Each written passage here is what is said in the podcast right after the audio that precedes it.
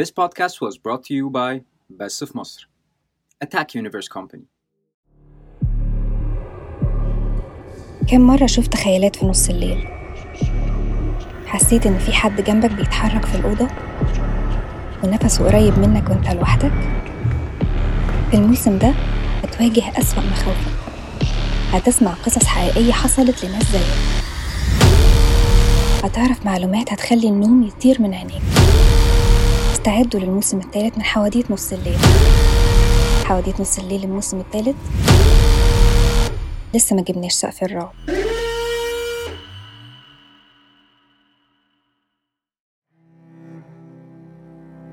بيقولوا إن السفر ليه سبع فوائد بس السفرية دي ما كانش ليها أي فايدة. سفرية ملعونة قلبت لي حياتي حتى بعد ما فات عليها سنين. الحكاية دي حصلت تقريبا في 2015 كنت لسه مخلص جامعة. وعايز أسافر اسكندرية غير جو. الدنيا عندنا في القاهرة دايما زحمة وحر. وكان بقالي كتير قوي نفسي أروح اسكندرية. أشوف البحر أغير جو. ومنها الواحد برضه يرفع عن نفسه بعد الامتحانات ودوشتها. كلمت واحد صاحبي اسمه حمادة اسكندراني وصاحبي من زمان. قلت هو ده اللي هيعرف يفسحني ويوريني كل اللي نفسي فيه. طبعا معلوماتي عن اسكندرية تشبه معلومات أي واحد قهراوي يعني بنسافر هناك ونروح نفس المطاعم ونفس الفسح. وأنا بصراحة كان نفسي يكون معايا واحد فاهم عشان أتبسط بجد. أول ما كلمته وعرفت إني جاي كان هيطير من السعادة قال لي إني وحشه وإنه بقاله سنين نفسي أروح له اسكندرية. طبعا ضحكت وقلت له اوعى دي تكون عزومة مراكبية زي ما بيسموها هناك. بس قال لي إنه هيفسحني أحلى فسحة في الدنيا. رحت محطة رمسيس وركبت ميكروباص اسكندرية. وأول ما وصلت كان حمادة مستنيني في الموقف. سلامات وأحضان وتبادل أخبار. وبعدها قال لي إني لازم أروح أبات معاه في البيت. بصراحة اتكسفت. أنا عارف إن بيتهم صغير وهو عنده إخوات كتير. ومرضتش أبقى عبء عليه. فقلت له إني أفضل أبات في لوكاندا من لوكاندات اسكندرية اللي على البحر. قلت له على شوية أسامي كنت قريتهم على النت بس. بس لما اتكلمنا عشان نحجز لقيت إن الفنادق دي كلها محجوزة. قال لي إن معظم الوقت في الصيف بتبقى الفنادق دي كلها مليانة. قعدنا ندور ونسأل لحد ما وصلنا لمنطقة شعبية في اسكندرية. وفي واحد راجل دلنا على بنسيون قريب اسمه بنسيون الملوك. قال إن هو على القد بس سعره حنين. طبعا ضحكنا إحنا الاتنين على إن في بنسيون اسمه بالاسم ده. وطبعا دي فشخرة فارغة. بس إحنا قلنا نروح نشوفه. إحنا مش خسرانين حاجة كده كده. البنسيون كان موجود في شارع جانبي صغير جدا. وصعب حتى تعدي جواه عربية. مدخل البنسيون بيديك إيحاء إن المكان هيكون شكله يخض من جوه. وفعلا الموضوع ما طلعش بره التوقعات. المكان من جوه قديم جدا زي ما يكون عمره أكتر من مئة سنة. وكل اللي لقيناه في المكان كان راجل كبير قاعد بيشرب كوباية شاي. تحس إنه عمره من عمر المكان. عجوز ومخيف. بصلنا هو مبرق رغم إن الطبيعي إنه يبتسم في وشنا. وفي الأغلب إنه استغرب لما لقى زبون داخله. وقال أؤمر الأمر لله يا حاج. بدور على أوضة هقعد فيها أسبوع. الليلة بخمسين جنيه. طبعا افتكرته بيهزر.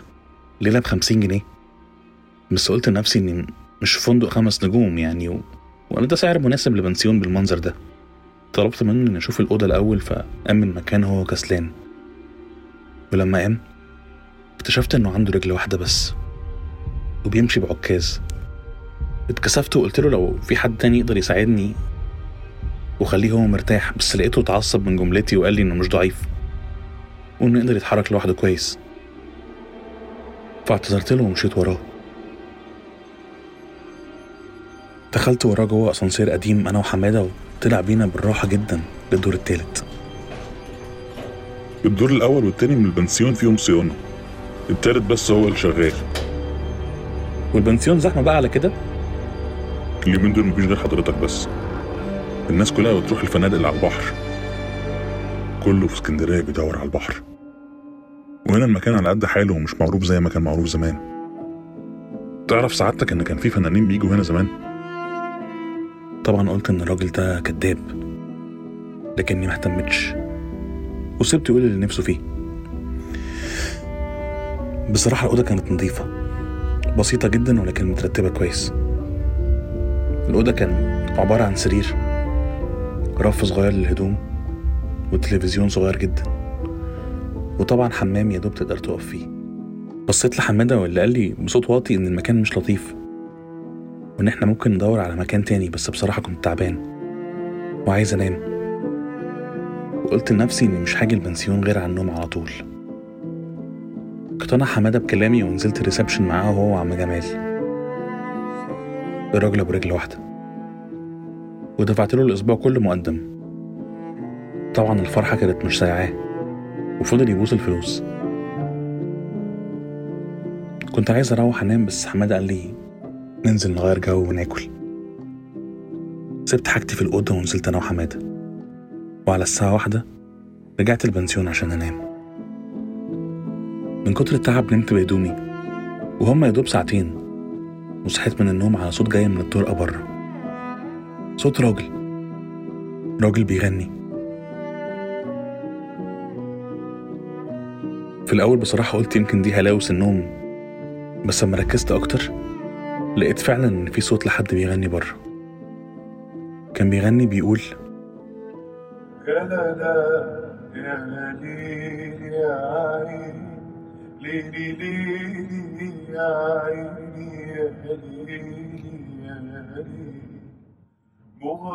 حزين ولكن حلو. استغربت من فكرة إنه واقف بيغني في الطرق الساعة 3 الفجر. استغربت أكتر إن عم جمال قال لي إن مفيش حد ساكن في البنسيون غيري. قمت من مكاني فتحت الباب بس ما كانش فيه أثر لأي حد. فضلت ماشي ورا مصدر الصوت بس ما لقيتش أي حد. رجعت أوضتي. حاولت أنام بس طبعا ما عرفتش. الفضول خلاني أسهر طول الليل. مين صاحب الصوت ده؟ تاني يوم الصبح أول حاجة عملتها كان إني نزلت لعم جمال. وسألته عن صاحب الصوت. بس قال لي إن مفيش أي حد غيري في الفندق. وإني أكيد كنت بحلم. قلت له بعصبية إني ما كانش بيتهيألي ولا أنا مجنون. ولا بتخيل حاجات. بس هو فضل يقول إني أكيد بحلم. بالليلة التانية اتكرر نفس الموضوع. طلعت بسرعة من الأوضة. وفي آخر الطرقة كان في شاب واقف بيغني. سنه تقريبا 30 سنة. اللي خضني ونشف الدم في عروقي كان رقبته. رقبته كان مغروس فيها سكينة والدم بينزل من رقبته. بس هو برضه كان بيغني. وبعد ثواني بدأ يبكي. قربت منه بس أول ما لاحظ وجودي اختفى. نزلت لعم جمال وأنا مخضوض. صحيته من النوم وحكيت له اللي حصل. طلع معايا وطبعا زي ما توقعت. ما كانش فيه أي حد. طبطب عليا وقال لي ساعات بتحصل حاجات بيبقى من الأحسن إن إحنا ما نركزش معاها عشان ما نتعبش. ما ركزش مع إيه؟ البنسيون فيه عفاريت وتقول لي ما تركزش. يا بيه ولا عفاريت ولا حاجة. بقول لك كل دي تهيؤات. وهو الشمس زمانها طلعت. تعالى معايا عازمك على الفطار. بعد ما هديت شوية نزلت معاه وفطرنا. حسيت إني مرتاح شوية. ورجعت بعدها على أوضتي عشان أغير هدومي. قبل ميعادي مع حمادة. بس لما دخلت الحمام لقيت على البراية مكتوب بلون أسود. أنقذني. ببص ورايا للبانيو لقيت الشاب اللي كان بيغني بالليل قاعد جواه وبيبص لي. لفيت وأنا بترعش بس بس اللي رعبني أكتر إن ما كانش فيه أي حد. والكلام اللي على المراية برضه. ما كانش ليه أي أثر. تعست بالله من الشيطان الرجيم وصليت ركعتين وقمت لبست ونزلت. اليوم كان جميل بس أنا ما كنتش مبسوط. كل اللي كان شاغلني في الوقت ده مين الشاب ده؟ ومعنى الكلمة إنقذني. بالليل الموضوع اتغير. الصوت اللي سمعته في الطرقة كان صوت ست. ست بتصرخ في رعب. طلعت بره لقيت راجل ضخم جدا طوله يمكن أكتر من مترين وفي إيده سكينة. بيذبح بيها واحدة ست جميلة وهي بتصرخ. لقيته بعدها بيلف ويجري عليا. وفي اللحظة دي أغمى عليا. لما فقت كان عم جمال قاعد جنبي بيقرأ في المصحف. ولما لقاني فقت ابتسم وقال لي إن إني نشفت دمه. حكيت له اللي حصل وقلت له إني هلم حاجتي وأمشي. بس هو فضل يترجاني إني أفضل قاعد وقال لي بات الليلة دي بس. ويا سيدي لو أي حاجة حصلت هرجع لك كل فلوسك. فكرت شوية وبعدها قلت له إني موافق. ليلة كمان مش هتضر. وخصوصا إنه ممكن أطلع في الآخر فعلا بهلوس. وإن كل اللي حصل ده مش حقيقي. حاولت أقنع نفسي بكده. حاولت إني منامش وإني آخد بعضي أول ما الصبح يجي وأروح وأروح أدور على فندق تاني. بس طبعا من تعبي نمت. وفقت تاني على صوت الأغنية. خرجت للطرقة بغضب كنت متحفز. بس لقيت مشهد القتل بيتعاد تاني الراجل الضخم المطرب البنت. بيتعاد زي ما يكون مشهد من فيلم الراجل بعد ما قتل البنت مسك الشاب وقتله هو كمان. ظهر راجل تاني. أنا عارف الراجل ده. ده عم جمال. بس أصغر. ورجليه الاتنين في حالة سليمة. عم جمال حاول يمنع الراجل ويوقفه بس الراجل وقعه وضربه بالسكينة كذا طعنة. لحد ما رجله اتقطعت من مكانها. وهرب الراجل. وفجأة كل حاجة اختفت. جريت على عم جمال. مسكته من هدومه وزعقت له وقلت له إنه لو ما قاليش إيه اللي حصل هنا هبلغ البوليس. وهوديه في ستين داهية. بدأ يبكي ويترجاني إني ما أذيهوش. وبدأ يحكي. حكى عن المطرب الشاب اللي كان بيحب بنت وحلمه يتجوزها. بس عشان هو فقير. أهلها جوزوها لراجل كبير في السن وغني. الراجل الضخم اللي شفته. كان بيتقابلوا هنا في البنسيون وكانوا مقررين إن هم هيهربوا ورا البلد. بس الراجل عرف وجي وقتلهم. قال لي إنه عشان ما يشوشرش على نفسه ولا يجيب لنفسه مصيبة دفنهم في البنسيون. دفنها في الدور الأول ودفن هو في الدور التاني. ومن ساعتها هو قافل الدورين دول. واللي بيسأل يقول له إن الأدوار دي فيها صيانة. قال لي إن المكان ده فاضي. عشان الناس بتهرب بعد أول ليلة. عشان الأرواح اللي بيشوفوها هنا. وعدني إنه هيخرجهم ويدفنهم في المقابر. يدفنهم الدفنة اللي تليق بيهم. تليق بيهم كبشر. وعدني إنه هيبلغ البوليس عن اللي حصل مهما كانت العواقب. سنين كتير عدت على القصة دي. بس معرفش ليه كل ما بسافر اسكندرية بسمع نفس الصوت ونفس الأغنية كل مرة.